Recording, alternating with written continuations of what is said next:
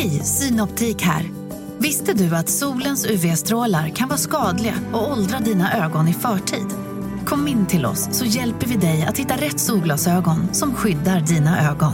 Välkommen till Synoptik. Demideck presenterar Fasadcharader. Dörrklockan. Du ska gå in där. Polis? Effektar? Nej, tennis tror jag. Pingvin. Alltså jag fattar inte att ni inte ser. Va? Nymålat. Men det var många år sedan vi målade. Demideckare målar gärna, men inte så ofta. Du lyssnar på en podd från Perfect Day.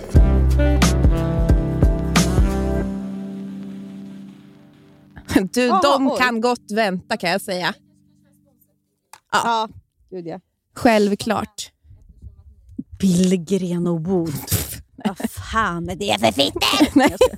Oj, rullar vi? Så en riktig vacker podd, till skillnad från den här. Mm, ja, de är ju ljuva. Mm. Du skulle kunna... Jag tycker att du är så lik Elsa Billgren. Jag säger ju det ofta. I ansiktet? Ja, men ni, ja, men ni har också samma känsla, alltså aura. Mm. Det är någonting med er två som är lika bara. Mm. Vad fint. Ja.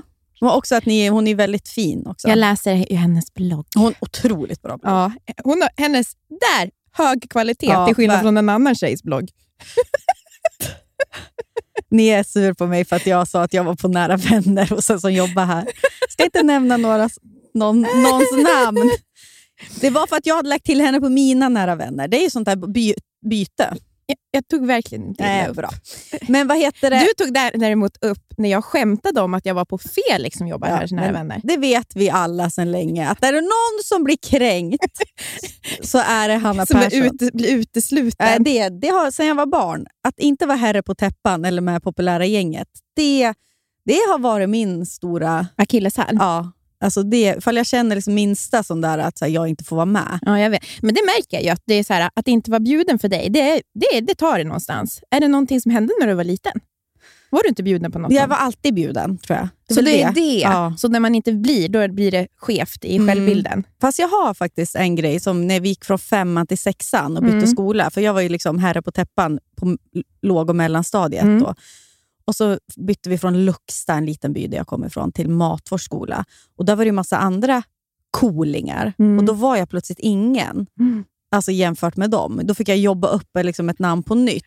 Och De här tjejerna hade ju liksom stringtrosor och åkte epa. Och jag Just var ju inte det. riktigt där. Men du var liksom. barn. Jag var barn fortfarande. Mm. Så det vet jag, det var fan ett trauma. Jag minns att jag hade jättejobbigt där i sexan och tyckte Mm. så här, men hallå, jag ska ju vara populär. Ja. Men så var jag inte det ett tag. Nej. Jag är ju sådär, eh, jag som barn var ju... Alltså blev, varg. ja, men jag var ju det. Ja. Om någon, alltså det. För mig räckte det liksom skolan med det sociala. Sen ville jag vara själv på mitt rum. Så Mm. därför, jag gick ju aldrig på någonting jag var bjuden på. Nej. Alltså det var ju svårt för min mamma och pappa att få med mig på typ klassfester och sånt. Ja. Ja, nej. Nej, Nej. nej, nej. nej. Så jag tror fortfarande att, så här, jag vet inte, det rör mig inte riktigt i ryggen. Nej, men vet du vad jag tror också en skillnad kanske är? För att jag var ju, jag, vi är ganska lika när vi pratade om när vi var barn, att Mm. vi var oroliga. Vi var ju Mm. väldigt ja, men, så här, ångestfyllda barn och så här, tyckte att det var läskigt med mycket. Mm.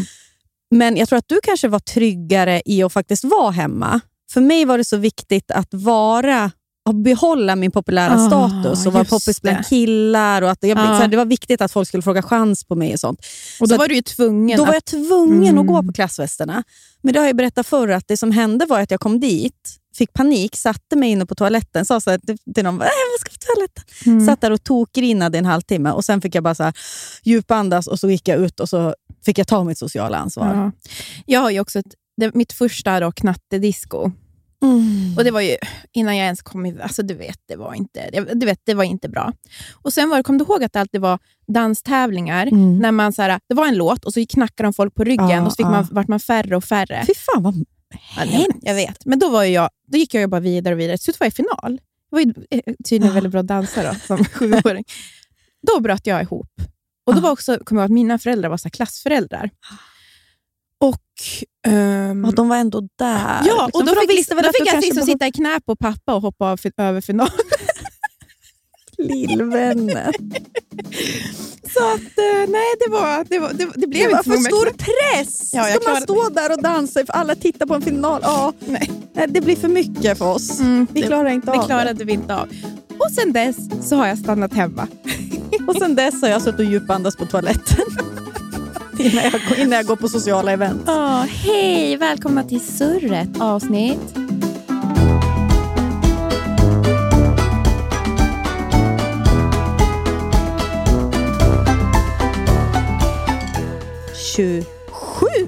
Vet du vad jag tänkte igår? För jag var inne på podcaster och bara, har jag gjort det här 27 gånger? Vad fan har jag pratat om? Mm. Jag fick sån här skamskyld. Vad har jag sagt? Ja.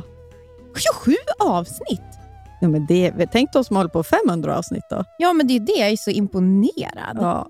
Vi tuffar på. Vi tuffar på. Bättre än någonsin. Jävlar vad folk har lyssnat på förra avsnittet om stil.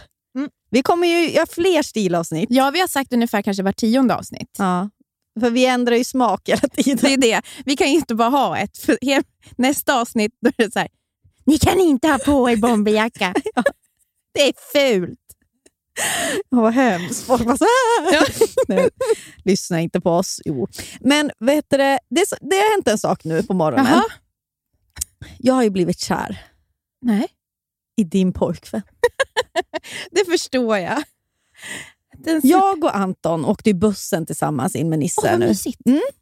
Eh, jättemysigt. Vi lämnar Nisse på förskolan. Han var lite ledsen. Och så. Jag tror det blir så ifall båda lämnar. För då är så här, ska Mm. mamma och pappa gå iväg utan mig? De får vara tillsammans, men Ah. jag får inte vara med. Alltså, det var lite så. Jag fick faktiskt lite ont i hjärtat. Jag brukar inte få det på lämning när han skriker. Utan jag kan vara ganska så kall, känner Mm. jag. Men nu var det verkligen så att jag... Ah, kroppen. Men Mm. det gick bra i alla fall. Sen tog vi en promenad in till stan och så sa Anton så här, ah, ska vi gå och träffa Johan? Mm. Eh, för att de hade planerat att de skulle ta en kaffe då på något italienskt fik. Som Sempre. Sempre. Jag som kallar det för Semper. Ja, för vet du, ja, de går ju bara på tre ställen. Alltså, alltså, Johan, Jävlar vad mysigt. Tips till alla som Ja. bor i Stockholm. Ja, li- ligger det på Jakobsbergsgatan? ja Norrlandsgatan, alltså Ja.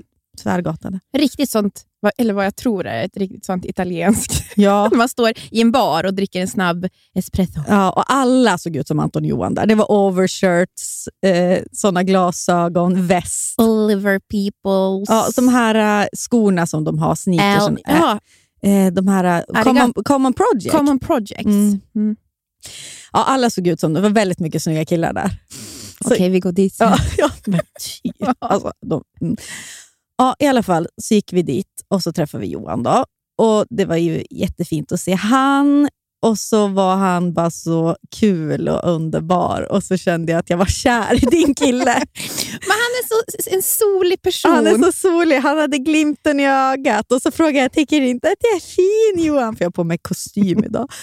Och ja, jag tänkte säga det. Liksom. Fan vad tajt du såg ut. Alla borde säga, eller så, jag hörde att några pratade om det när du kom in. Alltså, han skojar. Um, ja, men också, han är väldigt bra på att ge sådana komplimanger. Så, jag, ja, så var jag kär i honom och så, så, så satt jag mig där och så skrattade vi så mycket åt dig Nia. Vad var det nu då? För han bara, men är det inte dig Nia ska träffa? Nia hade ju så bråttom. Hon kunde inte hjälpa till med Florens någonting i morse. Hon skulle iväg på en viktigt, liksom, hon var tvungen att skynda sig och hon kunde inte liksom, fixa någonting för att det var viktigt för henne att komma iväg. Så jag undrar bara, vart är hon nu? För det är väl dig hon ska träffa och spela in podden. Vet, ska jag säga vad jag gjorde? Jag har suttit och skrivit vad vi ska prata om idag. Ja, ja, men ex- ja. Han Men jag fattar inte mitt jobb heller. Mitt Jag tyckte bara att det var så kul och så skrattade vi gott åt att du hade smitit undan. Men vet du vad jag tycker? Eh, Ska jag säga ärligt också det där med morgonen? Jag har ju alltid eftermiddagarna som är då, alltså, tredubbelt så långa. Ja. Jag tycker gott att han kan göra det där själv. ja, gud. Alltså på riktigt så tycker jag den fast, och sen kan han alltid fråga. Och sen så tycker jag det där, att, att hon, hennes dåliga humör på morgonen, det är hans problem för jag har hennes dåliga humör på eftermiddagen. Mm. Florens alltså. Ja. Mm. Nej, en annan person. Nej, mitt. Annars. Men jag förstår. Jag, sa, jag, jag berättar, problemet är att jag aldrig berättat för Johan vad jag ska göra. Nej. Han vet ju aldrig. Jag sa ju till Anton, jag frågade vad han skulle göra då, så berättade han liksom på sina hundratusen möten. Och så han bara, ah, men ni då, vad har ni för dag? Jag bara, åh gud det är så jobbigt. Jag har så en jobbig dag Anton. Jag ska först spela in podd mm, vet inte riktigt vad vi ska prata om. Sen har vi ett möte om ja, lite eventuella, jag kan- får inte veta om vi kan säga på Nej, vad vi ska göra, säga. men ett, det är väldigt, väldigt kul kul, möte. Åh, sen ska vi, åh, gud, det är jobbigt. Jag kan nästan inte berätta vad vi ska göra sen. Vi ska gå på press, pressevent. Och det är så pizza och drinkar. Och så. Vet du vad jag ska göra Ska sen vi då, få det? produkter? Nej, säg.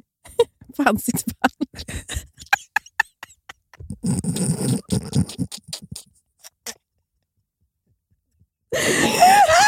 Jag sa till att jag var så...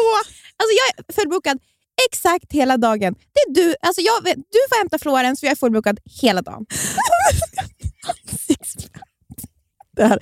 Alltså, folk är arga som lyssnar nu tror jag. Ja. Det ska sägas att både du och jag har ju givetvis haft vanliga jobb. Nej, alltså åtta till sex Och jag har också varit... För, unna mig lite härligt. Jag har haft jättetuffa år. Du har jobbat i servicebranschen hela ditt liv. Det har jag verkligen gjort. Jag har jobbat, när jag har pluggat Mm. så har jag jobbat typ heltid under hela tiden jag har pluggat. Mm. Sen ska sägas, vi har ju vark, vi har ju inte jobbat i vården till exempel. Nej, nej, nej. Jag skulle inte säga att det är synd på om oss. Men jag kan tycka att så här, ibland när man så här, klassiska influencers som man märker inte haft ett riktigt jobb. jobb, som så här, Hanna Friberg. Nu vet jag inte om Jag tycker hon verkar härlig och, kul på ett sätt. Men jag såg senast igår att hon la upp sitt schema på Instagram för trams, för hans hade eh, printscreenat. Ja. Och då var det så här, så lång dag, så, här, så bara, kolla mejlen, en punkt. Man bara, ja, det gör man ju hela tiden. Men, eh, ja. men, men eh, fan, det är här, vad du brukar säga? Botten i, i henne, botten ja, i dig. Man, Mm. Exakt så är det. Man måste... Jag vet inte. Är det vårt jobb? Alltså, du vet att man ska undervisa hur jobbigt hur ett jobbigt ett liv kan vara. Nej, precis. Men det kan vara bra med perspektiv kanske. Ja. Mm. Absolut. Så att vi kan ju, men det är kul när jag klagar på mina jobbdagar. Men jag klagar faktiskt aldrig. Jag, jag Du skryter. klagar, nej, du klagar aldrig. Har du hört mig klaga någon gång? Nej. Jo, Nej. men inte på såna här grejer. Nej, vad klagar jag på? Du kan klaga på eh, andra, hur andra beter sig. Ja. Och nej, nu när du säger det, var på ett fruktansvärt humör. Alltså, kollektivtrafiken i rusning, som vi- vi spelar in podden liksom tidigt idag. Mm, mm. Alltså så som folk beter sig. Alltså när jag ser, jag åker ju eh, Roslagsbanan, Mm. som är ett pendeltåg. Och när jag ser hur folk beter sig under när det är så mycket folk. När de typ brottar sig förbi för att få en sittplats och sen ska de också tränga sig förbi för att typ komma av först. Då är jag så här, nej du! Om du har satt Ohyfs. det här, ja, ohyfs, då får du fasen vänta tills alla har klivit av. Och det här, alltså det här är så ocharmigt av mig att säga nu, men jag har ju också bott i Canada. I Dan- så jag tycker ändå att då när man har erfarenheter av andra saker, Ja. så alltså, det finns någonting som är så otrevligt med svenskar. Det finns inga som har så goda värderingar och beter sig så dåligt som svenskar. Gud. Alltså jag blir Jag håller nästan med. Ja, för Alltså, att det är så här, vi om man ser jämför, inte... men i Kanada var ju alla så jävla Ja, trevliga. men vet du vad det är? Det finns ett utrymme också. Alltså, du vet, så här, vi, har så, vi har så hög svansföring och Ja. så goda värderingar, men vi ser inte våra medmänniskor. Nej, nej, nej, nej. Alltså, det är liksom, Men vi tycker att vi själva är bäst hela du tiden. sitter, vi är otrevliga och sitter förmodligen och skriver något jättesmart på Twitter, men vi ser inte vad, att det är en som behöver hjälp bredvid. Nej. Så är svenskar. Ja. Vi sitter precis. Vi sitter och uppfostrar varandra i telefonen på pendeltåget. Men Tittar inte upp. Delar Black Lives Matter, men vad heter det? Alltså, Ja, vi är mer rasistiska än någon annan. Ja. Liksom. Ja, jävlar vad sant. Så är det ju. Eh, Så jag saknar faktiskt det. Och det var den tydligaste... Det var så... Jag kände mig alltid så sedd av eh, mina medmänniskor när jag bodde Mm. i Toronto. ja, men, jag, du har väl, med? jag har väl berättat om när jag var, vi fick gå runt med Florens, när du var som sjukast Mm. där, eller ja, väldigt sjuk i alla fall. Och, och jag fick ha sele. Mm. Och ha henne i selen, det var så jävla mys. Första gången jag hade det med en Ja, det är bebis. så typ. gosigt. Och hon var så liten. Hon var så liten, det var, ja, men, det var som att ha liksom ett löv på magen. typ. Ja. Men super, och alltid nöjd. Liksom. Ja. Mm, och så gick jag runt på stan med henne där då, i Toronto och då... Folk är, alltså, är tokiga i bebisar där. Alltså, jag var så sedd. Ja. Och jag som gillar uppmärksamhet, Nej, men- förstår du? När, två, så- bygg, när två byggjobbare som visste det skrek till mig oh, så här, be, så här, “Hot baby mama” skrek de någonting. Jag var så här, “Yes, that's me!” Och så var folk så här, så här Ah. “Gammal är hon? Gud vad gullig som hon går bra!” typ. Jag Ah. låtsades att det var mitt barn. Och du vet, där var de alltid också så... du vet, håll ut, det är tufft i början, men du kommer klara det. Vi vet, jag minns precis hur det var. och jag, när jag var gravid, få- när man gick med magen, då kunde alltså folk komma utspringande från typ butiker och bara “You're glowing! Good luck!” Jag håller på att grina nu Nia. För det där är så, det är så jävla viktigt. ja. Det, och det, Sverige, vet du vad också som är felet med oss? Vi är så pass liksom rädda att göra fel Ja. att vi inte vågar göra Vi gör någonting ingenting. alls. Det är ju det vi är. Så att problemet är ju till exempel det här med att säga att någon är fin när hon är gravid. Eh, det, det vågar vi typ inte göra för man är rädd och så här, det är sexism. typ. Och det, Då är jag så glad, det här har vi pratat om förr, med gamla skolans män. Som Antons pappa till Mm. exempel, som sa till mig att jag är så fin. Nu när jag var hemma också, han bara, och så hade jag gjort ordning. Han bara, gud vad fräsch du ser ut. Men, Men du ser alltid fräsch ut. Han. Alltså, ja. tänk att- Alltså, och jag blir ju så glad. Och det där, fan det måste... Och när man är gravid. En annan sak som hände nu i år också var att jag träffade en, en eh, liksom, kompis kompis typ, Mm. eh, som också lyssnar på podden. Så shout out till henne. Men som sa någonting om att... Så här, ja, men jag, Den är så himla underbar. ja, du, du. ja, det var vad hon sa. Hon sa att hon var så glad att vi pratade om så den tuffa tiden i början. och så. Eh, för att för henne hade det betytt väldigt mycket. Mm. Eh, och Det blir man ju väldigt glad av att höra. Och Det är någonting som folk har skrivit på DMs också. Mm. Och att få det, så som du beskriver att de säger då i Kanada till exempel, och säkert i andra, Mm. på andra ställen än i Sverige, att de är så här, "Åh, jag minns första tiden, kämpa. Alltså bara få ett litet sånt Mm. ord. Det, det kan ju göra en stad. Liksom. Mm. Nu förstår jag att vi pratar i klyschor, men jävla... Ja, nej, och samma sak. När vi flyttade hem från Kanada så var det ju mitt i brinnande pandemi. Jag hade hur mycket packning som helst och ett liten liksom ett och ett halvt åring Mm. som vi reste med. Alla som reser med småbarn vet hur mycket grejer och hur jobbigt det är och vi hade också Mm. dubbelt så mycket grejer. Och jag kan säga, när vi åkte från Toronto, alltså Pearson Airport, liksom, det var som om vi blev buren av alla där. Mm. Du vet, alla, du vet, folk hjälpte och skulle kunna erbjuda sig att hålla Florens. Det var Mm. liksom alla som jobbade. Det var, det var så enkelt tills vi landar i Sverige. Det är ingen som... Alltså, ja, man, man vågar inte. Florens kommer jag ihåg att jag tappade en sko. Liksom jag Mm. bar henne, hade typ två väskor. Ja. Ingen plockade upp den där skon. Nej, det var, ingen hjälp, erbjöd sig, ska jag ta ner en väska åt dig? De bara tittade framåt. Och Då kände jag så här, förstår också när man flyttar hem och inte riktigt vill flytta hem. Mm. Jag bara, mm, vad, Ja, då vad kul jag det var. grina. Nej, men, Ja. Det var ju jobbigt. Ja, jag minns att du var ledsen. Ja, jag var jätteledsen. Men det där, det där, det är lätt att sitta här i podden då och liksom ha, då nöjer vi hög svansföring. Vad gör man själv då? Det är det man får komma ihåg. Men Jo, man blir, det är en pandemi, man smittas ju av den här piss... Ja, ja precis. Men det där, det där ska jag verkligen tänka på och säga också. Det försöker jag faktiskt göra nu i alla fall när man träffar bekanta och så där, som är gravida. Eller så här, Mm. Gud vad fint. Att man försöker så fråga så här, hur mår du? Ja. Att man just, det, att, det just med graviditet Det är då man i blir. Meghan Markle. Well, thank you. Ja. You're the first one who asked me this. Gud, det är sån gripande intervju. Ja, eller det klippet. Well, thank you. Mm. Mm.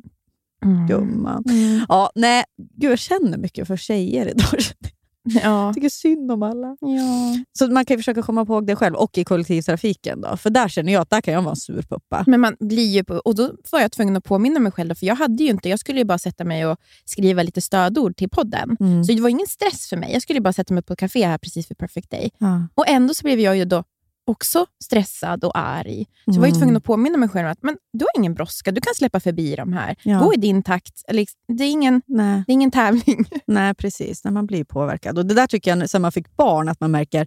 För barn är ju såklart, de är ju som kanadensare. Ja. Eller de är så här, Nisse sitter ju hela tiden på bussen så här, hej, hej, hej. Och så när alla går av säger han bye, bye.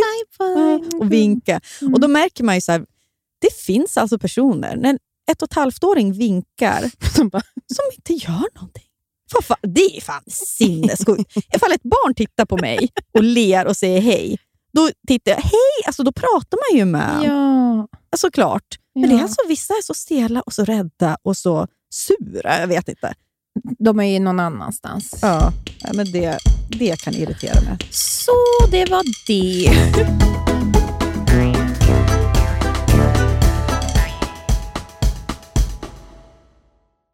Livet, Mm. vet ju både du och jag, kan både vara flyktigt och föränderligt. Jo tack. Men då finns det någon som håller en i handen genom alla de här äh, faserna i livet och det är Länsförsäkringar. Och Den här podden görs ju i samarbete med Länsförsäkringar. De har ju både försäkringar, pension, spar. Ja, och det här med att ha ett sparande, ett långsiktigt sparande, det känns ju bra. Mm. Speciellt kanske ifall man är lite som du och jag kan vara. Kortsiktiga. Kortsiktiga. Mm. Men då är det väldigt tryggt då att Länsförsäkringar finns där och erbjuder då ett eh, långsiktigt sparande. Jag tänker bara så här, saker som man vill ge sina barn. Körkort.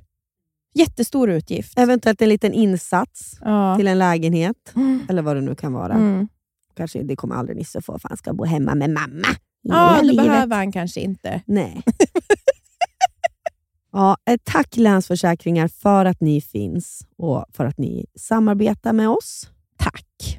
Vi är så glada att vårt samarbete med Läkarmissionen fortsätter. Ja, och det är ju så många av er som lyssnar och följer oss som redan har blivit eh, gi- månadsgivare. Mm. Och våra lyssnare och följare har ju blivit lite av kändisar på Läkarmissionen. Mm. För att ni är ju så otroligt givmilda. Ja, det är helt sjukt. Mm. Och fler ska vi bli. Ja, men det tycker jag verkligen. Och Varför behövs då Läkarmissionen? Jo, för eh, varje år så dör ju hundratusentals kvinnor av sin graviditet eller förlossning. Ja, och ungefär en miljon bebisar dör för att de inte får rätt vård och omsorg. Ja, varje år. Mm. Och Den här vården och omsorgen hjälper då Läkarmissionen till eh, med. För att man vet ju att mest sårbara är unga flickor och kvinnor som lever i fattigdom. Eller på landsbygden. Eller kvinnor och flickor som eh, befinner sig på flykt. Mm. Eh, Så att Läkarmissionen vet ju också att nio av tio dödsfall skulle kunna förebyggas med rätt vård. Och det vet ju både du och jag, Anna, att ingen av oss har ju haft förlossningar utan komplikationer. Nej, Men egentligen har vi aldrig varit rädda. Nej verkligen. Eh, för att man har varit, har fått rätt typ av omvårdnad. Mm. Och det, är- det är för att du och jag hade turen då att befinna oss på rätt plats. För Mm. Det är ju det det handlar om. Och när du blir månadsgivare via Läkarmissionen och ger 90 kronor i månaden så motsvarar det att du varje år ger sex kvinnor och deras bebisar rätt till en säker förlossning. Mm. Mm. Det är ändå helt sjukt. 90 kronor i månaden. Det är Mm. någonting som inte märks i princip. Nej. Och så det, hjälper man sex kvinnor och deras barn. Och ni får till och med också en liten present nu när ni blir månadsgivare. Ja. Om ni går in på läkarmissionen.se surret så får ni också nu när ni signar upp fullstora förpackningar med våran, en, en annan kär samarbetspartner, Ja, Maria ja. Nila. Ni får shampoo, Men. balsam och hårolja hemskickat till er hemadress. Jajamän. Mm. Ja, så gå in på läkarmissionen.se surret så får ni alltså det här sättet från Maria Nila när ni blir månadsgivare. Tack Läkarmissionen. Tack! Vet du vilket det snabbaste och smidigaste sättet att ta sig till Arlanda är? För det här behövde du faktiskt göra nu när du skulle iväg på jobb och satt fast. Satt fast. Vad lätt det är när man bor i Nacka och ska ta sig till Arlanda. Och därför är jag väldigt glad för att vi har ett samarbete med Arlanda Express. Det tar 18 minuter. Från centralstationen till Arlanda. Och De har ju också en väldigt hög punktlighet, så att de vågar ju faktiskt säga att de alltid är i tid. För det är inte kul att sitta på E4 i kö till. Arlanda. Och Det är också lite mysigt att sitta på dem där. De är ju så otroligt fräscha. Det känns som att man är i är väldigt, framtiden. det är väldigt lugnt och skönt. Alltså det, blir, det, det är någonting med att det känns väldigt ostressigt. Tack Arlanda Express för att ni är det smartaste och mest självklara valet för eh, att ta sig till Arlanda. Jag firade ju eh, påsk i Vemdalen. Mm. Vad var det då? Ja, men det var jättekul. Jag har ju firat, det är så fint, för jag har ju firat varje påsk där sedan urminnes tider och har Mm. inte kunnat gjort det nu på grund av att jag bodde utomlands och pandemin och jag var sjuk. Och Det var så kul att vi alla var samlade igen. Eh, och Sen så var det ju Johan åkte hem på påskafton. Det var ju lite bestämt för att eh, som sagt, hans pappa var ju så, var ju så dålig. Mm. Så jag och Florence var kvar och sen så åkte vi till Timrå på påskdagen. Mm. Och så var det så fint, för det var ju så fint väder. Mm. Um, och så... Jag kommer ihåg hur det var när man kom hem från Vemdalen, när det hade varit en sån här fin påsk. För då kom man ofta hem och så var ju all snö borta. också. Och så kunde man ta fram cykeln. Ja. För jag vet inte när man tog fram cykeln här nere, men det kunde dröja. Alltså ibland var det vid valborg man tog, kunde ta fram Mm, ja, cykeln. gud ja. Men det var så stor grej att dra fram den där från pannrummet nere i källaren Mm, och så det mm. här rulla på det här gruset Mm. som fortfarande var kvar och ljudet och Mm. man har den tunnare vårjackan. Och precis så var det nu när jag kom hem, så det blev så nostalgiskt. Eh, och så åkt, hade Florens slut på välling, så jag åkt, skulle ta bil, jag skulle ta bilen till eh, Jag Timrå. hoppas att ingen andra, inga andra var på Nej, vägen. det var faktiskt, jag såg inte en människa. mm. Men så åkte jag ju den här vägen. Det var som du när du åkte från Sundsvall till Matfors. Mm. Och så blir man... Vi har ju tipsat om, eh, vad heter den här serien? Insecure. Mm. Och I sista avsnittet där så gör de ju ett sånt fint sånt, när hon kör genom LA och Mm. förbi alla såna platser som har format henne Mm. under seriens gång. Blir, det Mm. som sammanfattning. Och Det blir ju verkligen så när man åker genom den här staden eller orten, byn, som Mm. man eh, har lämnat, men som är kärnan i det man, det man är. Mm. Mm. Man ser nästan alla sina åldrar på något sätt. Så åker förbi, åker mot liksom Timrå, eh, åker förbi backen upp där Vivansborg ligger där jag spelade barnteater. Um, så åker jag mot eh, det som nu är liksom ett som var Willys nära, men som var ett, eh, ett Ica som till och med hade ett skärk när jag var liten. Mm. Och nu är det, du vet, och förbi busshållplatser och förut så gick väl bussen minst en gång i halvtimmen. Nu Mm. känns det som att de går en gång om dagen typ. Mm. Ehm, och att man under sin, så här, sin uppväxt, så, eller man är ju en sån som kan prata skit om det man kommer ifrån. Men om någon skulle säga ett enda ord, ord om Timrå så skulle de få en smocka. Mm. Ehm, så att, ja, det är så fint. Men jag tänker på hur, precis så att vem den man var innan livet hade tagit en riktning. Men hur det här där verkligen är kärnan i en. Mm. Och att man inte skulle vilja komma från någon annanstans. Och så tänker jag på, så tänkte jag helt plötsligt på att nere i mammas och pappas källare så finns det en låda. Du vet, som är såna, du vet bara minnen. Det är gamla Mm. läxböcker, gamla slöjdprojekt som jag antagligen aldrig gjorde klart, för jag har aldrig kunnat gjort klart någonting. det är, ligger någon sån här Ebba von Sydow-bok. Det är, Första stilboken. första stilboken. Jag har också Paris Hiltons Confession of an Heiress i den där. Mm. Och så är det en anteckningsblock där jag har skrivit ner texter av liksom Kjell Höglund. Alltså förstår du, Det är en Ja. otrolig salig blandning. Det är verkligen That's Hot och Genesarets sjö. Ja. Men det är när man upptäckte sig själv. Ja. Och så ska jag eh, lägga Florens. Eh, och, alltså, vi har en sån dålig läggning. Alltså, jag har sett fram emot att jag bara ska läsa en bok Mm. för mig själv. Hon ska somna, men hon somnar verkligen inte snabbt. Det är liksom en tre timmars läggning och hon är alltid så lätt att lägga. Mm. Så blir jag arg på mig själv, för jag bara, hur kan man ha så här dåligt tålamod? Liksom, vem, vem är jag som inte kan hantera en dålig läggning var sjätte månad? Utan jag känner bara att du vet, jag vill sov! Ja, ja, ja. Ehm, och Hon vill inte sova i sin säng, så hon ska sova i min säng. Och Då vet jag att båda kommer sova pissdåligt, för att det gör vi alltid när vi sover tillsammans. Mm. Och så somnar hon till slut. Och så vaknar jag på natten av att både hon och jag sover jätteoroligt. Mm. Eh, och så kollar jag på telefonen och då har jag precis fått ett meddelande av Johan. Mm. Där det står att nu har pappa somnat in. Ehm, och så tänker jag på Johan och hans ehm, mamma och hans två systrar. Att de är någonstans nu där jag inte kan liksom följa med dem. Det är Mm. en- Även fast jag har ju min relation med Kurt så är det ju en del av hela deras liv som nu har försvunnit på ett sätt. Ehm, och Jag tänker på Kurt och hans glittriga ansikte. Där har vi en solig. Ja, solig person som alldeles nyss satt i vårt kök. Och nu så finns inte han längre. Och hur stark, bara förra sommaren, hur stark han var och eh, la nya såna här eh, plattor i sommarstugan. Och ja, att inte vi ska få se honom igen. Farf, Florens farfar. Florens farfar, världens bästa farfar. Och det är... Helt plötsligt så är det kanske inte så jobbigt att, att Florens och sover i samma säng som mig. Titta på henne, hon ser ut som en liten ängel. Ja. och jag bara, det är så... Jag försöker få någon ordning Ja. i huvudet, men det går inte. Det är, och det är mörkt ute. Och jag vill bara att det ska bli morgon. ja, det förstår jag. Hur att du fick vara själv i det. Ja. Och så började jag tänka på den där lådan nere i källaren igen. Och så tänker jag på en text av Kjell Höglund. Eh, han har en låt som heter Vän med livet. Mm. Och så står det Man kan anse att loppet är kört för länge sedan, men jag betraktar livet som en vän. Som en vän att lita på, som ställer upp och vill förstå.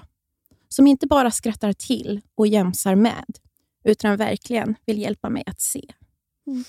Och så just då så slår skärmen om från nattläge till dagsläge. Det blir från svart till vitt. Och solen börjar gå upp utanför Mm. fönstret. Och så kände jag någon typ av tröst ändå. Eh, Ja. Att man ska se livet som en vän. Man kan anse loppet kört för länge sen Men jag betraktar livet som en vän.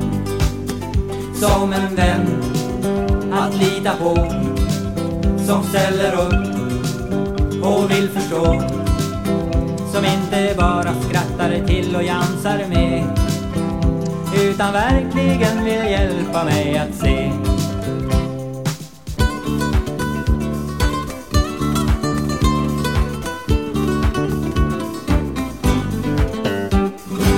Jag älskar Kjell Höglund. Jag finner så mycket tröst i hans texter. Lever han fortfarande? Ja. Eh, han lever, men han, är ju, han har ju slutat. Ja. Han bor typ i Västerås. Han är ju från uh, Jämtland. ja. Det, det finns någonting också med det där norrländska, tror jag, som är så nära. Minns du den här Man vänjer sig-låten? Ja, den tänker jag på varje gång jag plockar ur diskmaskinen. Det är så sjukt. För det är det tråkiga. Det, är liksom, det, det finns inget mer monotont än att... Det är fruktansvärt. Det ska göras så jävla ofta. Ja, två gånger om dagen står man med de där kopparna. Får du också skäll eller hur du sätter in? Ja, men jag får skäll hela, varje dag. Ja, men jo, Johan har ju bara... Han har ju gett upp. Man märker att han är en man som har gett upp på många sätt när det kommer till att uppfostra mig. Det är kul nu när vi, vi du var i Vemdalen under påsk, jag var i Åre och bodde hos Antons föräldrar har ju stuga där, Tegefjäll, som vi är i varje påsk. Och där ställer jag in i diskmaskin. Jag märker Anton är så lik sin mamma, de är ju så ordningsamma. Ja. Och liksom, Och Duktiga. lite deras sätt är det rätta sättet. ja, ja, ja, de sitter på facit, Mm. absolut. Och jag älskar ju Antons mamma, hon är ju en fantastisk person. Men hon, Ja, hon, underbar. hon, eh, hon eh, går ju att rätta efter mig. Jag frågar, nu frågar jag, bara, vad tycker du om mitt sätt att sätta in i diskmaskinen, Anita? ja, det är lite blandat. Vissa saker kan jag också tänka, det är ingen som har berättat för mig. Hur ska Nej. jag veta? Aldrig, men jag har ju inte fått någon uppfostran. Så det, Nej, så att det är liksom, vissa saker förväntar sig folk att bara att man ska kunna. mm. Det är jättemycket jag bara fått liksom, fake it till you make it. ja, men ibland känns det som att jag är uppfostrad av, av, min, av de fåren vi bodde med. För att ingen har ju lärt mig någonting. Mamma och pappa gjorde ju allt åt mig. Men vad kul att du tar upp det, för jag har, vill ju prata om curlingföräldrar och helikopterföräldrar. Vad är helikopterföräldrar Men det är lite samma. Men jag ska berätta. Får jag, får jag Ja, ber- berätta? Ja, för att jag bara fick en så här... Äh, det började egentligen med att jag lyssnade på ett avsnitt av Radiopsykologen. Det är så sinnessjukt att du lyssnar på radiopsykologen. Du berättade att du hade lyssnat på radiopsykologen när du låg vaken en natt. Alltså jag, lyssnar, jag tycker också att det är bra, men jag Mm. måste måste ju vara på rätt, ett soligt humör för att kunna lyssna. Inte att jag ligger vaken på natten. Hmm, vad ska jag få mig på andra tankar? Jag lyssnar på radiopsykologen. Ja, men jag tycker att det är så, jag lär mig så mycket av det. Jag känner Ja, ja. mig som klokskap. Mm. Att det blir lite sådär, jag får distans till saker. Jag får, kan också få mycket råd. Ja. Mm. Men då var det just en, en tjej i det här avsnittet som pratade om sin sorg efter sin pappa. Mm. Hon förklarar det lite som att hennes pappa hade varit hennes självkänsla Mm. på många sätt. Och så började jag tänka på det där om att vara förälder. Och vi är ju den, Du och jag är ju millennials. Mm. Och det var ju under våran uppväxt som det här med curlingföräldrar blev, alltså millennials, det är våra föräldrar, att, de har cur, att vi är söndercurlade. Mm. Vi är den första, våra föräldrar har haft lite bättre pengar än vad det, de hade under sin uppväxt och man är också mer mån om att man ska liksom... Ja, men, man bara- Sopa banan. Sopa banan, precis. Och Då kommer jag ihåg att någon gång att mina föräldrar bara skulle, så, så berätt, skulle typ berätta för min, mig och min syrra att ja, ni har ju blivit curlade. Oj, vad ni har blivit curlade. Mm, Och Jag kommer mm. ihåg att då att jag var så här tonåring och att bara, Jaha, jag är väl jättecurlad. Och Sen har det ju kommit fler studier om, och det finns ju, för mig finns det så här, jag är absolut ingen ex- ex- expert, men för mig finns det två typer av curling. Mm. Och jag är curlad på det sättet att så här, vi behövde inte kanske hjälpa till så mycket hemma, Mm. eller blev skjutsad till skolan. Men dina föräldrar har ju fixat mycket. De har fixat Mm. mycket för oss. Och för mig är det så här, det har ju varit massa studier nu och de har ju sett så här, de barnen som inte behövt hjälpa till hemma, det går inte dåligt för dem. Nej. Och då har jag en tanke om att så här, det är lätt. Det är ganska lätt att lära sig att städa ett rum. Men det är inte så lätt att lära sig att städa i hjärnan. Mm. För det finns också en typ av känslomässig curling Mm. som jag vet att mi, många av mina kompisar har upplevt, som inte jag riktigt En känner. sitter ju här. Ja. eh, att så här, det är fel fokus på det här, så här att åh, barn idag de får så mycket saker, de får så mycket saker, eller att inte behöver hjälpa till hemma. Mm. Att så här, självklart är det jättebra att lära sig hur man tar hand om ett hem. Ja, och- eller pengars värde Ja. och så vidare. men det är också så här, den fokusen är så här, är det ett sånt stort problem egentligen? Blir vi skadade av det i längden? Alltså jag vet inte om vi blir så jätteskadade. Och Det finns ju också ett annat engagemang som min mamma och pappa saknar totalt, alltså som jag vet Dina också, att så här, alltså min skolgång. Det, alltså det är såklart att man blir mer framgångsrik i skolan om man får stöttning i skolgången. Mamma och pappa brydde sig så lite om skolan. De litar ju bara på en. Ja. Alltså, var så här, alltså, knappt att de kollade på mina betyg eller liksom att det var... Pappa var väl kanske lite mer ibland, men du vet välja linjet på gymnasiet. De var så här, välj något som du tror att du tycker är kul. Och liksom, det där, och jag visste inte vad man kunde plugga vidare. Jag visste men- inte, i Stockholm, vad finns det? Jag är verkligen från en sån här, det viktiga är att man är snäll och en god... Exakt. Så är jag Så, uppfostrad. samma här. Ja. Sen om vad du har för betyg Linnea, det spelar ingen roll. Mm. Men det är det ju såklart att givetvis, eh, om du har lite eh, vägledning i, i skolan, Mm. såklart gör du bättre ifrån dig. Men det, där, det, där är jag, det där är faktiskt en uppfostran, bråk som jag och Anton Mm. har just nu. För att han kan ju känna sig, liksom, inte besviken, det är verkligen att överdriva, Mm. men, men lite sådär, fundersam kring sin egen uppväxt, att inte han fick någon mer guidning. Han bara, så här, jag, jag hade velat gjort ett utbytesår, eller jag hade velat veta att det här fanns, och, så, och det ska vi verkligen visa Men för du, Nisse. Och jag blir bara så, nej. Nej.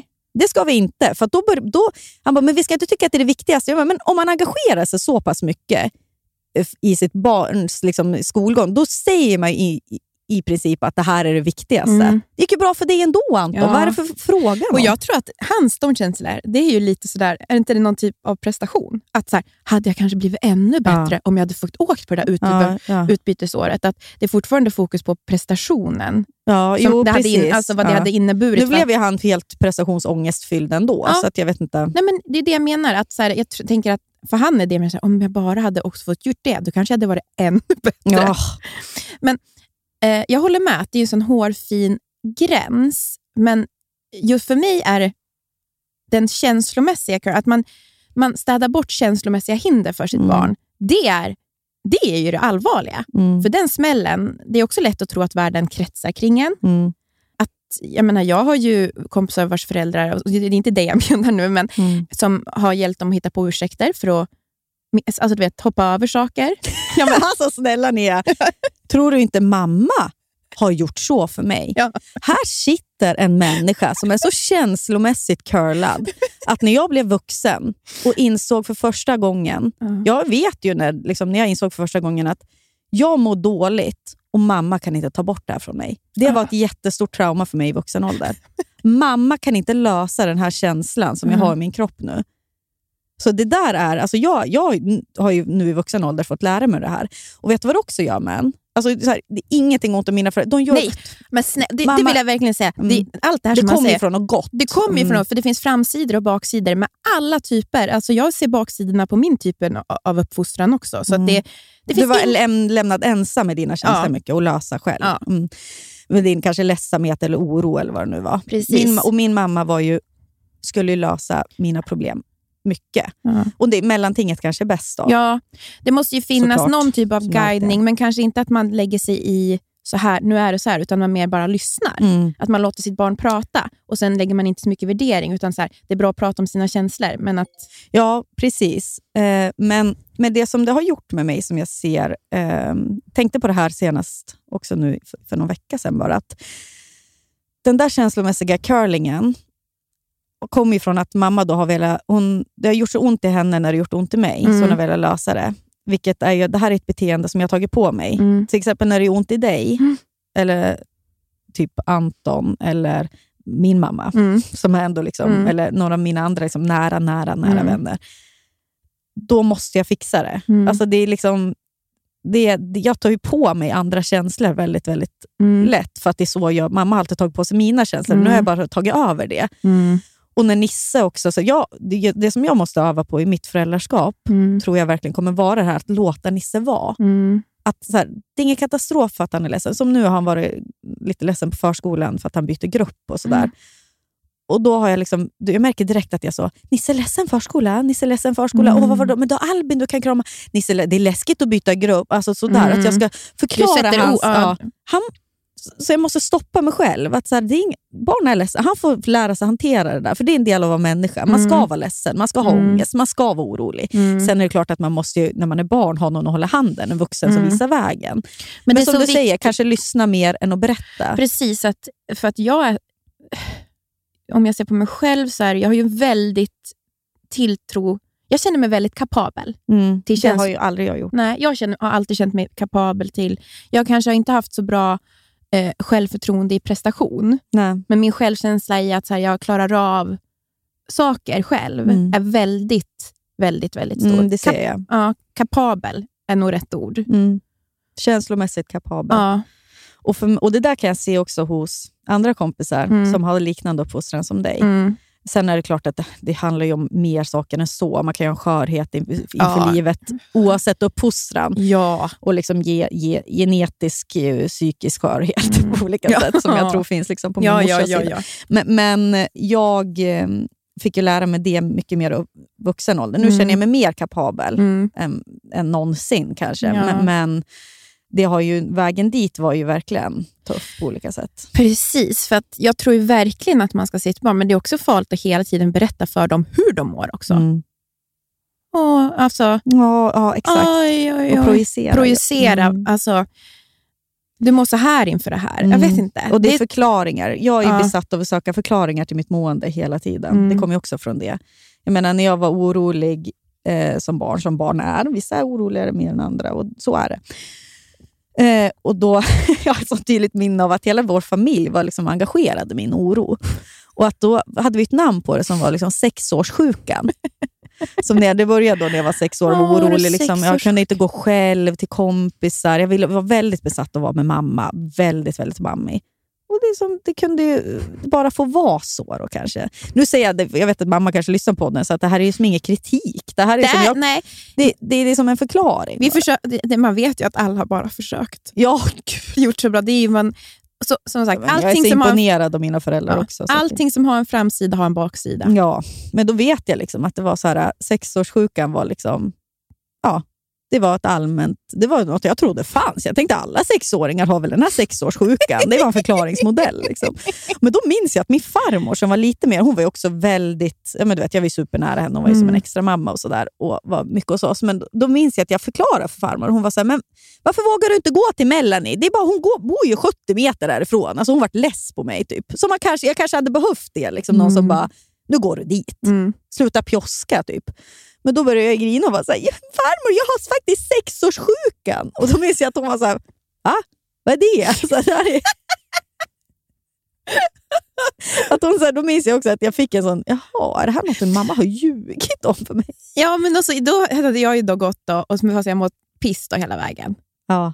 Vad, hur ska man då göra då? Jo, Men- fast men Mia, då kanske du lärde dig någonting av det. Jag behövde ju aldrig gå jag, utan att mamma höll med handen. Då. Ja, men det, det kanske är det där att man bekräftar känslan, men också Åh, jag förstår att det kan vara läskigt, Men vi gör det ändå. men vi gör det ändå Mm. och Melanie kommer vänta på dig när du har gått de där 70 metrarna. Och Då Mm. kommer det kännas kanske lite Men bättre. det sa säkert mamma och pappa, men det hjälpte väl inte. Inte fan vet jag. Men...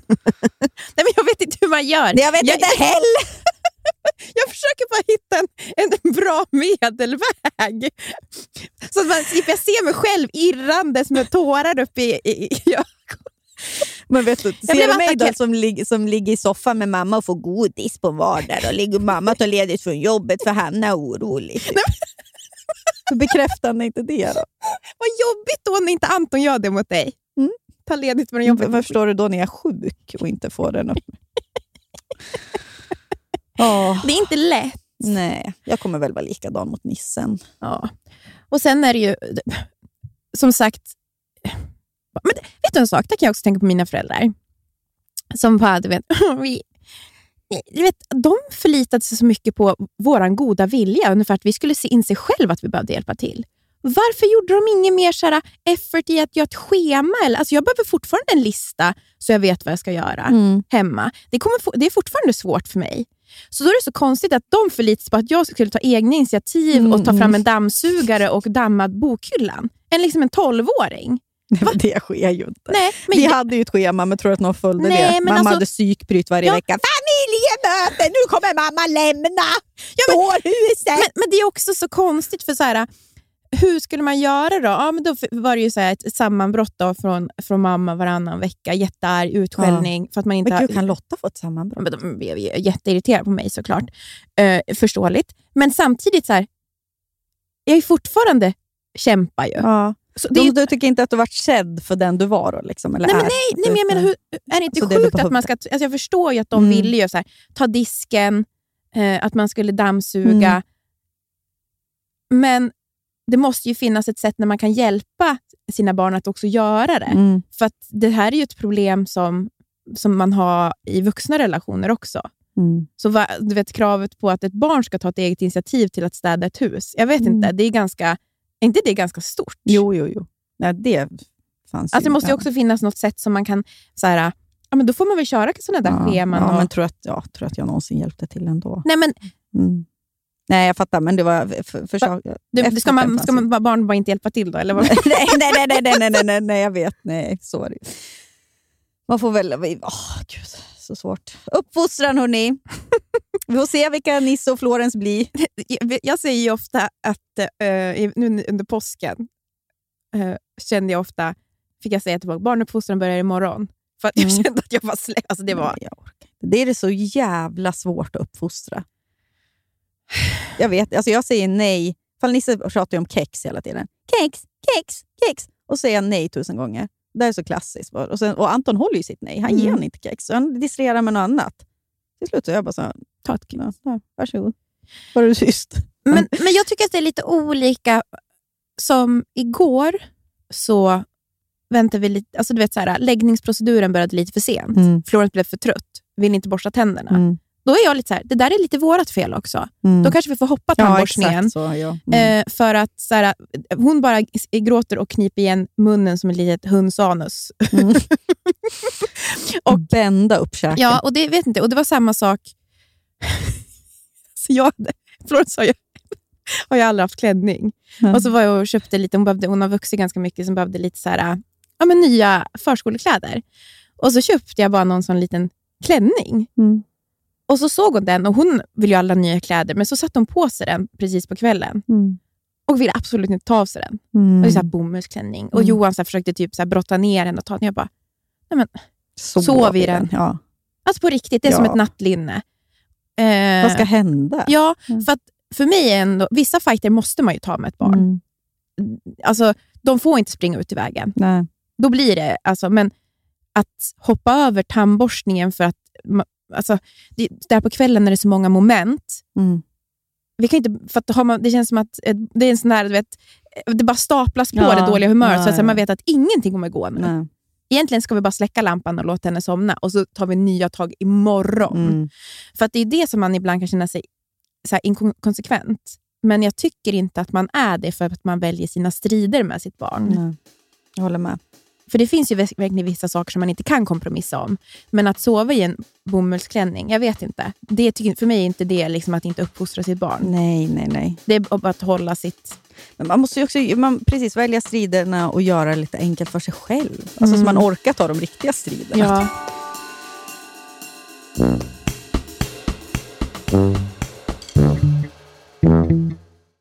Du som lyssnar på podden Ja. kanske lyssnar nu genom din mobiltelefon. Mm. Kan, brukar du tänka på vad, vad, vad liksom det som är mobilen kommer ifrån? Nej, men nu gör jag ju det eftersom att vår samarbetspartner är LKAB. Som har lärt oss som det. har lärt oss. Och det tänker jag på alltså nu när, sen de sa det till mig. Det har hänt lite då och då att jag så här, tänker mer på material runt omkring mig på ett Mm. helt nytt sätt. Och så här är det, i avfallet eh, från LKABs järnmalm Mm. finns så kallad kritiska mineral. Och Det är sånt som vi behöver till typ då elbilar eller mobiltelefoner. Mm. Och Idag kommer de ofta från länder som Kina eller Ryssland. Men nu så planerar då LKAB för fullt att utvinna det från sina egna gruvor. Och tänk Ja, att det görs i Norrbotten. Ja. Vi Ja, vi, vi inte... förstår ju import, importerna från Kina eller Ryssland. Också, jag menar, hur, hur, hur, Hur kontrollerat hur kontrollerat är det? Hur tas den här, eh, de här mineralerna fram? Det är ju att få ha då LKAB och man vet att så här, min telefon, eller min bil, eller det här bordet, eller vad det nu kan vara. Mm, stolen du sitter Ja, på. den är, det, det är gjort av material från Norrbotten, Mm. i, liksom, i en kontrollerad miljö. Här är det ingen barnarbetare. Mm. Här, är det, här tar man vara på avfall på ett helt Mm. annat sätt. Här har man ett långsiktigt eh, arbete med hur man tar fram material. Det, det, vore, ju- alltså det känns ju otroligt i själen ifall man kan få till det. Ja, och vi vill ju såklart att ni ska lyssna på vår livepodd som vi spelade Ja. in i Luleå tillsammans med LKAB. Ja, för där pratar vi med LKAB om Ja. just eh, det här. Eh, och Jag tycker de säger väldigt kloka och bra saker. Och det angår såna, oss alla. aha, Mm. Det vi pratar oss- även om andra, andra saker i den här podden. Men, Ja, men just absolut. den, den biten tycker jag var jävligt intressant. Att vi fakt- faktiskt fick också intervjua deras tekniska chef om just det här. Precis, så gå in på den livepodden och lyssna. Vi har också pratat som sagt om andra saker också, bland annat en spaning om gubbkepsar och ballerina-sneakers. Ja, precis. Det finns smått och gott i, i den podden. Den ligger ju där ni hittar den här podden. Mm. Tack LKAB. Tack LKAB.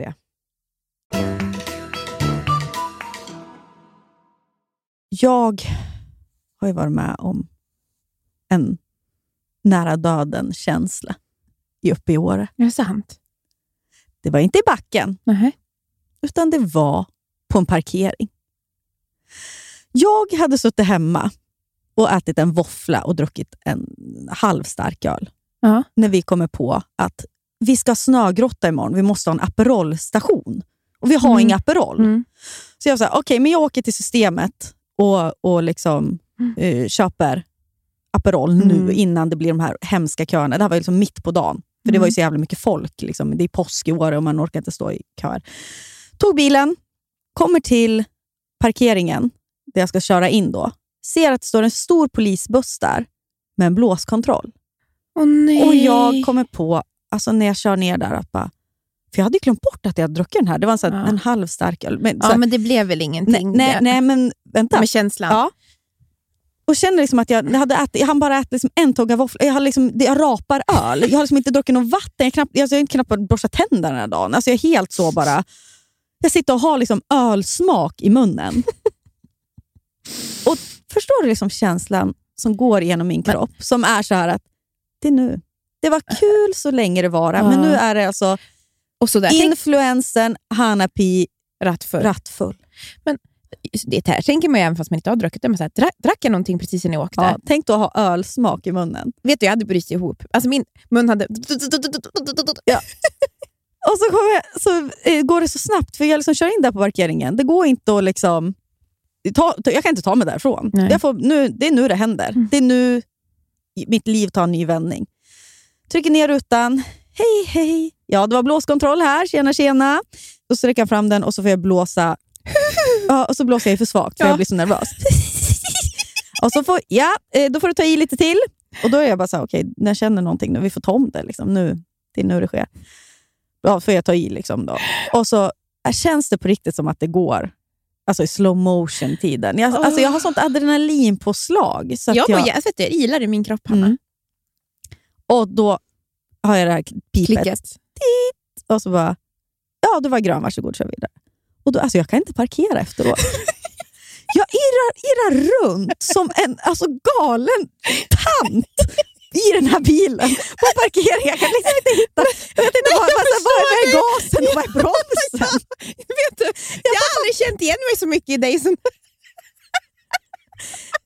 Ja, alltså, jag, jag vet inte, när jag går in på systemet också, jag så... Vad, vad betalar man i ka- alltså, det, alltså, det var hemskt. Jag var, jag var tvungen alltså, att sitta i bilen alltså, minst 20 minuter och bara djupandas och tänka på... Liksom, Och allt du fick tillbaka. Det är lyckan också. ja, ja, ja. Det är nu, Nu börjar nu livet. börjar livet. Vi klarade det, Hanna. Alla vänder sig till stjärnorna för svar. Dum, dum, dum. Di, di, di. En annan sak som jag inte har berättat för dig, Nej. som hände uppe i Åre. Och? Det var ju att jag var på en reading. En reading? Vad gjorde du i, i kort eller i... Jag... Ja, det är Är du som omvänd? Är du, är, du, är du spirituell nu? Så här, det som hände på vägen upp till Åre var att jag fick ett DM från en... Nej, nej jag blev taggad på en story som var så här. Och så hade, var det en kvinna som hade en frågelåda där det stod så här, vem... Ja, men, och så hade hon fått en fråga som var, vem skulle du vilja göra en reading på? Och så var jag taggad. Hanna Pi vore kul. Ha, ja, det ha, var ha. human design. Human design heter det här då. Och Då fråg, skrev jag till henne, så här, haha, är det en diss? För jag tänkte att hon lyssnar på podden och, och där jag är så skeptisk. Mot så här. Hon bara, nej, gud, ja, vi skulle vilja. Spännande du, ja, personlighet. så- Ja, typ. Jag bara, ja men vi kör då. Vi kan väl göra en reading. Så ringde hon upp mig en söndag uppe i Åre Ja. då, på, på Skype. Eh, och Den här tjejen heter då Emily Human Design Sverige. Hon har också en podd som jag kan tipsa om då, som heter Human Design med Mm. Emily och Marley. Eh, hon var underbar person, jättetrevlig. Kände direkt att så här, ja, men det här kan ju vara intressant. då. Så ja, Hon ringde upp mig och jag kan inte förklara riktigt vad human design är. Ni får väl lyssna på hennes podd då. Eller så. Men Du är som det, är insatt i branschen Men- som spåkvinna. vänta nu, det är väl också lite så att man, vart man är född, dag, tid. Exakt, Mm. så att jag hade skickat exakt födelsetid till mig. Då. Och så har man olika drivkrafter. Mm? Ja, mm. Jag har gjort det där någon Ja. gång, men jag kommer inte ihåg. ja, men så jag gjorde den här readingen på typ en och en halv timme. Kände Eh, du dig sedd? Där hon fick, jag känner mig jättesedd och jag förstår ju det här som du menar. Och så, jag fattade ju innan också att så här, det här är ju liksom, man gillar ju att prata om sig själv. Mm. Man blir också äcklad och känner sig Mm. dum. Men, men eh, överlag är det kul. Mm. Och Det är ju, leder ju in en på andra samtalsämnen. Att prata om så här, du är mer en projektor, eller så här, Mm. du har mycket, det händer mycket i ditt huvud. Ja, gör det. Och så då leder det in på intressanta samtal. Mm. kanske. Då. Eh, så att jag förstår ju varför det eh, liksom betyder, f- folk gillar det. Mm. Eh, och det kan jag också göra. Eh, men det var ju absolut intressant och så. Hon sa ju saker som jag tyckte stämde mycket. Och liksom, det var så förståelse för sig själv och så. Och Det var kul för att den här blåskontrollen hade ju hänt då typ några timmar innan i Ja. princip. Och hon, eh, eller en, en dag, två dagar innan. Och, ta om det. Den här blåskontrollen hade ju hänt bara så dagen innan. Och eh, En sak som hon sa, att din kropp, eller du är väldigt känslig för adrenalin. Mm. Här, för stress och liksom kaffe typ. Eller så här. Och det är verkligen så- en sak som jag känner igen mig eh, Hispig. Ja, precis. Att jag lätt att jag blir... Ah, typ. Och det är så, som folk, det pratar ju vi en del om, så här, folk som håller på med extremsport. Så här, ja, det är därför jag inte kan åka ut för typ. För att jag får ju ett adrenalinpåslag för någon tappar någonting i köket typ, och det låter. högt. Skriker jättehögt Ja. ut. Ja, då är det Du, du är att- rädd att Nisse, när Nisse kommer runt ett hörn. Ju. Sen är Ja, du ja. hä- skärrad i två timmar. jag kan bli väldigt lätt bli rädd. Liksom. Oh, sätter Ja. dig ner i soffan Ja. med liksom handen på bröstet. Eller så här, när någon, en bil kör snabbt mot en utfart du vet, och Anton kör. Och jag så, här, så Anton är så arg på mig varje gång vi åker bil för att jag tror att vi ska krocka.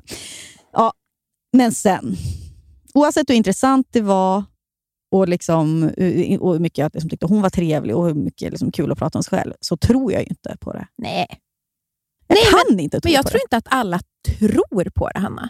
Nej, jag tror inte det handlar om att tro. Alltså, jag tror inte att...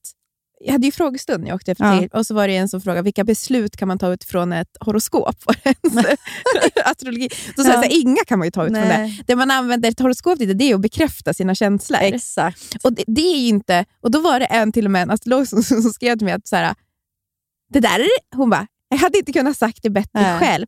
Att jag tror det bara är någonting för, för människor att Hålla lära, i handen, hålla i liksom. handen Mm. och lära känna sig själva. Mm. Se på sig själv. Ibland, jag tänker som det här human design, att human design, att kanske att ibland kan det vara kul att se på sig själv på ett helt annat sätt. Mm. Vänta, du säger det så här. Eh, kan jag vara så? Mm. Hon, det var flera saker som jag Ja. kände så. Och blev, hon pratade ju om att jag var väldigt intellektuell. Mm. Att hon så här, skrattade nästan till. Att så här, det är väldigt ovanligt att du bara, nästan bara energi i ditt huvud. Mm. Och, och, liksom, och Jag kände igen hon bara, du är ingen doer på så sätt att du liksom... Du använder Ja, ja, dina... det- men mer att du är en projektledare. Och sånt Mm. där kände jag igen mig i mycket. Och liksom att jag är liksom fixig, men inte på det där äh, bära saker sättet kanske. Det var. Men att hon var så här, hon bara, du, det är 2 procent av alltså, ha din exakta profil på det här sättet, för den är väldigt ovanlig. Så här. Och, och jag, jag kollade lite på kändisar för att se, liksom, för det står ju ofta när de är och då var det så. Alec Baldwin. Ja! Nej, hon pratade och bland annat om typ så här, någon profil, alltså, ja, nu kanske jag säger helt fel, men så här, Lady Gaga. Typ. Hon pratade om att du har en, eh, så här, en nu låter jag så jävla mallig, men så här, du har lite av en guru-aura runt dig. Ja. Folk lyssnar. Ja, men vad Det är väl inte så konstigt? så du har ju behandlat din podd som att du vore en guru, eller? Ja, det, men du har väl tyckt det, eller? Vadå, jag har väl inte tyckt att jag var en guru? Nej, men tänk då ju ändå så här att man- ska tycka att man har någonting att säga, annars startar man väl inte en ja, ja blogg. det, så är det ju. Ja. Ja, För blogg. jag- mm. För att jag hade ju så en dag när jag både fick, alltså fick av mina kompisar var och spådde mig hos faktiskt han och Amandas eh, spådam och sen så var, det, och sen var jag hos en astrolog. Och då sa båda de, det här är för många år sedan, att de såg att så här, så här, du har en röst som ska höras av väldigt många. Du har sitter de. Ja, men är inte det roligt då att jag har... Så här, de, de bara, men det är som att du har, du, du har saker att säga och det är Mm. många som kommer höra dig. Det, finns väl, det, är, väl, det är väl podd? Är Ja. det är väl podd, Hanna? Och de såg det här innan. Oh, tack. Och till mamma. Det är en spådam som, som mamma ofta hänvisar till, som hon gick till då, Mm. när hon var runt ja, men 30, som sa du kommer få tre barn. Men- Och ett är så vackert. Och ett är så vackert och framgångsrikt. Och det här pratar jag och min syrra senast om i påsk. Och min syrra säger och det var jag. Och jag sitter och säger och det var jag! Och så, så är det så sjukt, för då påminde ju min syrra mig om att, men minns du inte att hon, mamma alltid har sagt att hon kommer skilja sig? Mm. För spådomen sa, och du kommer tyvärr skilja dig. och det här är så sjukt av då att morsan har gått och sagt det här till oss och så sa hon ju att jag kommer skilja mig. Så det är väl därför jag liksom varje kväll tänkte att mamma och pappa ska skilja sig. Jag så låg och oroade mig. Är inte det sjukt att morsan gick och sa det? Och så sa hon att jag skulle skilja mig, så man får väl se då. Oj, oj, oj. Ja, vad roligt. Så, men en av dem är år kvar att skilja sig. Ja, ja, ja, det finns tid. Hemskt att skilja sig när man är gammal. Liksom när man Du, ska lära om. jag vill se en, en dokumentärfilm som går nu på bio om en skilsmässa, en svensk, som jag vill att du och jag ska gå och se. Kommer vi gå hem och... Nej, jag tror att den är jätte... Jag får en känsla av att den är jättebra. känns ju inte jätteljust. En Nej, men- svensk film om en skilsmässa. Nej, alltså en dokumentär. Alltså det är ett riktigt eh, Åh! par. Nähä. Jag, bara, ska vi, jag är rädd att vi ska bli inspirerade. Nu är Jag jag, är- kär i Johan Ja, också. ja, precis. Du, efter, ert samtal, när ni har skrattat gott åt mig, så bli tillsammans med honom. Du. Han hade inte orkat med en sekund med så, dig. hade- så hade du kunnat bli ihop med Anton så hade ni kunnat gå på konsert utan att få ont i ländryggen. Anton hade blivit... Alltså jag, men jag och Anton, det hade ju varit en sån... Vi, vi har ju väldigt trevligt ihop. Också väldigt så här, Jag tycker vi är lika. Vi är väldigt lika på många Mm. sätt. Vi, har ju, vi kan ju verkligen mötas i titta på varandra. Ja, så är det. Mm, mm. Men jag tror att vi också hade blivit alltså, det, vansinniga på varandra. Ja. Totalt vansinniga. Ni, hur man sköter ett hem. Hur man sköter ett hem och hans... Eh, nej, Du tror att du hade irriterat honom och vice versa. jag vet. Det, det, jag tror Jag och Johan hade bara varit två dumskallar som hade, som hade bara irrat omkring. Oj, oj, oj. men ni kanske hade passat bättre ihop. För han är ju väldigt omhändertagande. Det kanske hade blivit väldigt jobbigt för honom Ja. att ta hand om dig hela tiden, för han hade gjort det. Mm, Han hade ju han- sk- skurit upp apelsinklyftor. Johan, det är sjuka känningar. Du, han hade ju typ, jag hann inte åkt hem från jobbet med gånger med Alvedon när jag hade mensvärk när vi var unga. Du vet. Sånt där gör i sig Anton också, men det räcker ju aldrig till. Vet du. Nej. Jag vill bara ha mer och mer. När han väl är hemma då från jobbet. Ja, jag vet. Då är det kräv, Ja. kräv, Vart kräv. är Bamse-tidningen? Ja.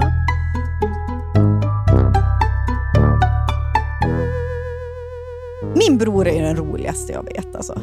Har du träffat min brorsa? Men snälla, det är på såklart jag, dopet? på dop, men jag har också träffat honom på andra gånger. Jag satt och pratade länge, med- länge med honom på dopet. Innan vi Jag lärde satt med känna hela din varandra. familj då. Det var Du har aldrig blivit så bekräftad. typ inte... Det var mycket... Din, alltså de är ju så underbara, din mamma och din syster. Man får vara som man är. Ja, de är så underbara. Åh, Min mamma, det var ju... Ja, men du vet, tänk hur du har haft det. Du vet, Och Hon går ju direkt på det mörka. ja, så som du hade... Nej. Du hade nog du, kan man lugnt säga. Du vet vad jag menar. Sjuk, elände. Nybliven mamma. Cancer. Mamma. Hon frossar ju där. Älskar dem. De, de är, det finns ingen som skulle tycka, kunna tycka illa om dem. Mm. No. Tro mig, det finns viss irritation ibland från vissa personer. Alltså inte mitt min syrra, men morsan kan ju vara... Ja, hon går ju direkt på det mörka, men det är älskvärd. Min brorsa, han är också en profil. Absolut. Helt filterlös, är sig själv. Och nu bodde han hos oss i huset. Men han har också bott hos oss tidigare. Mm. Det här, jag kommer att tänka på det som hände sist han bodde liksom, eller i vår förrförra lägenhet. där vi hade ett loft. Det här har jag berätt- berättat om då i podden, när det skedde i min, min gammal podd som jag hade. Men han är ju väldigt höjdrädd. Det är mycket minnen från min barndom när han liksom, får panik när vi ska upp i stadshuset och jag ställer till en scen. Som sagt, han är filterlös, att han liksom har inget, bryr sig inte om människor omkring. Han kan skrika och grina, och, liksom, och värre var det när han var barn. Då. Och då var inte vi hemma, utan han lånade vår lägenhet och var på det här loftet ensam och kom inte ner. Så att han liksom satt där, ringde mig. Jag kom inte ner från loftet! Men Anders, vad vill du att jag ska göra? Jag är ju inte... Jag tror vi var i New York eller något. Jag, jag är inte där. Men hur, jag, jag bara backa ner, gå sakta. Äh, jag bara, ringde pappa, ställ till. Liksom, han, han är ju sån som pappas självkänsla är ju hans. Liksom. Han ska, pappa ska ju guida ner han genom telefon. Gick fortfarande inte. Fick ringa dit en kompis i Stockholm som fick komma in i vår lägenhet och liksom guida Anders ner för det här loftet. Och det är liksom, det, du vet, är ett lägenhetsloft, det är inte jättehögt. Nej, det var liksom. ju absolut En inte... Och det var en 35-årig ganska man bra trappa. Det var Ja. inte någon farlig sån här Nej. ranglig trapp. Nej, det var ju en riktig nej, trapp. nej. Platsbyggt. Ja. Ja. Eh, så då, det var det första som hände då, på den där lilla resan som han Vem hade. var det som fick komma och guida? Jag kommer, det, det var Erik eller något. Jag kommer inte ihåg vem det var. Det var någon, ja, men någon bekant till Anders Om som jag bodde i Stockholm. inte hade tagit mig ner, då hade ni hittat ett skelett där uppe. Du hade, vet, du hade inte vågat bett om Jag hade hjälp. inte vågat bete Ni hade hittat ett lik. Att de var legat helt utsvulten. Och Ni hade bara hört en liten röst när ni kom hem. Hjälp, hjälp, hjälp mig. Eh, du, som Anders han har inga problem att be om hjälp. Ja, och så ringer han i alla Eller jag ringer honom när vi är på väg hem från New York. Då, liksom, och, och så här, ja, men hur har det gått? Så, så, liksom, du, du tog dig ner från loftet uppenbarligen. Bara, ja, jag är på väg till systemet. Ja, okej. ja, jag tänkte köpa tillbaka lite öl. Ja, okej. Vad öl? Vad ska du köpa tillbaka för öl då? då? Eller hade vi öl hemma? Ja, jag hade ju någon öl som stod på stod, liksom någon gömma sån här Åbro sigill som stod på golvet i hallen. Det var lite konstigt. Varför hade ni dem där? Typ så. Jag bara, Va? Så jag fick fundera. Bara, har du druckit upp något? öl?" Så slår det mig. Att Anders har alltså tagit Antons egenbryggda öl som han, Anton har bryggt i alltså 16 veckor har han hållit på med de här. Det här var ju liksom under en tid då man höll på med sånt där hipstergrejer. Som Anton, du vet, han snurrar och medsols där på golvet. Det är liksom, och jag bara, "Eh, Anders, hur många drack du? Ja, ja men det, jag tror det är två, tre kvar. Liksom. Den var lite grumlig. Det- De har druckit de liksom bara tömt i sig på någon ensam förfest innan han ska ut. Han tyckte inte att de smakade lite... Jo, han tyckte de var lite konstiga. Liksom. Och det var ju så här, det var ju, vi hade ju använt gamla öl, ölflaskor då till dem. Liksom. Ja, så då har han liksom druckit upp Antons alla 16 veckor, ja, i princip alla. Anton fick väl två då. Jag minns när jag också skulle berätta den nyheten för Anton. Min, min brorsa som har fått låna vår lägenhet, han har inte bara liksom ställt till en scen på vårt loft, han har också druckit upp alla dina.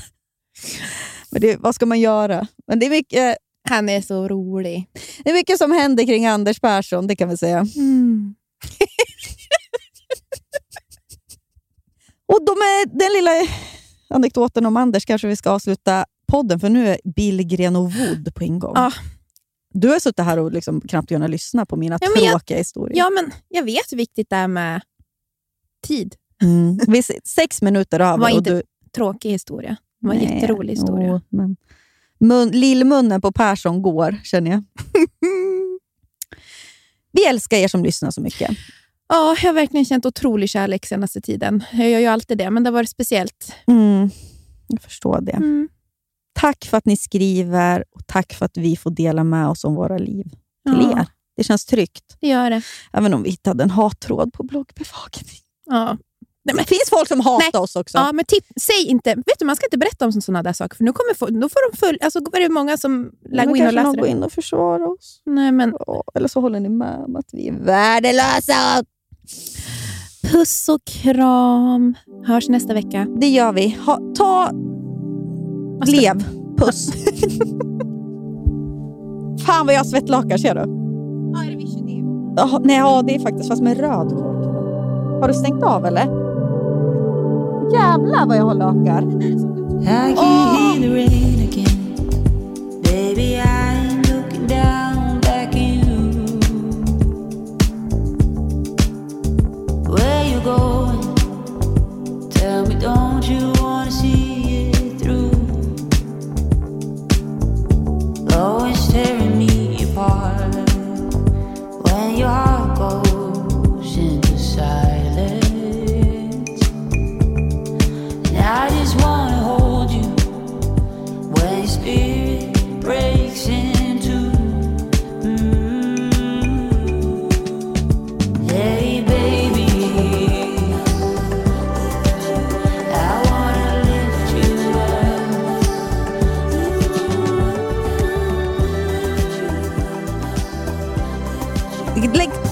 Någon sån spådam. Kanske en jingel. Hanna blir omvänd och hon blir spådd. Bra jingel.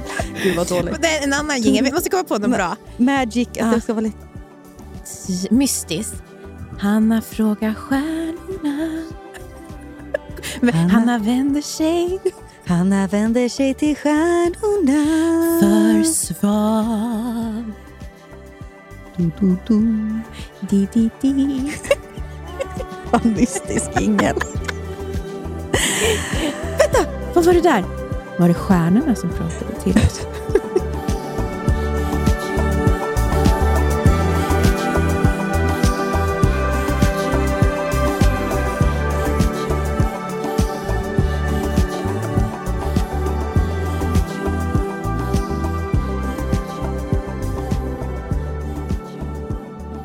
Den här podcasten är producerad av Perfect Day Media.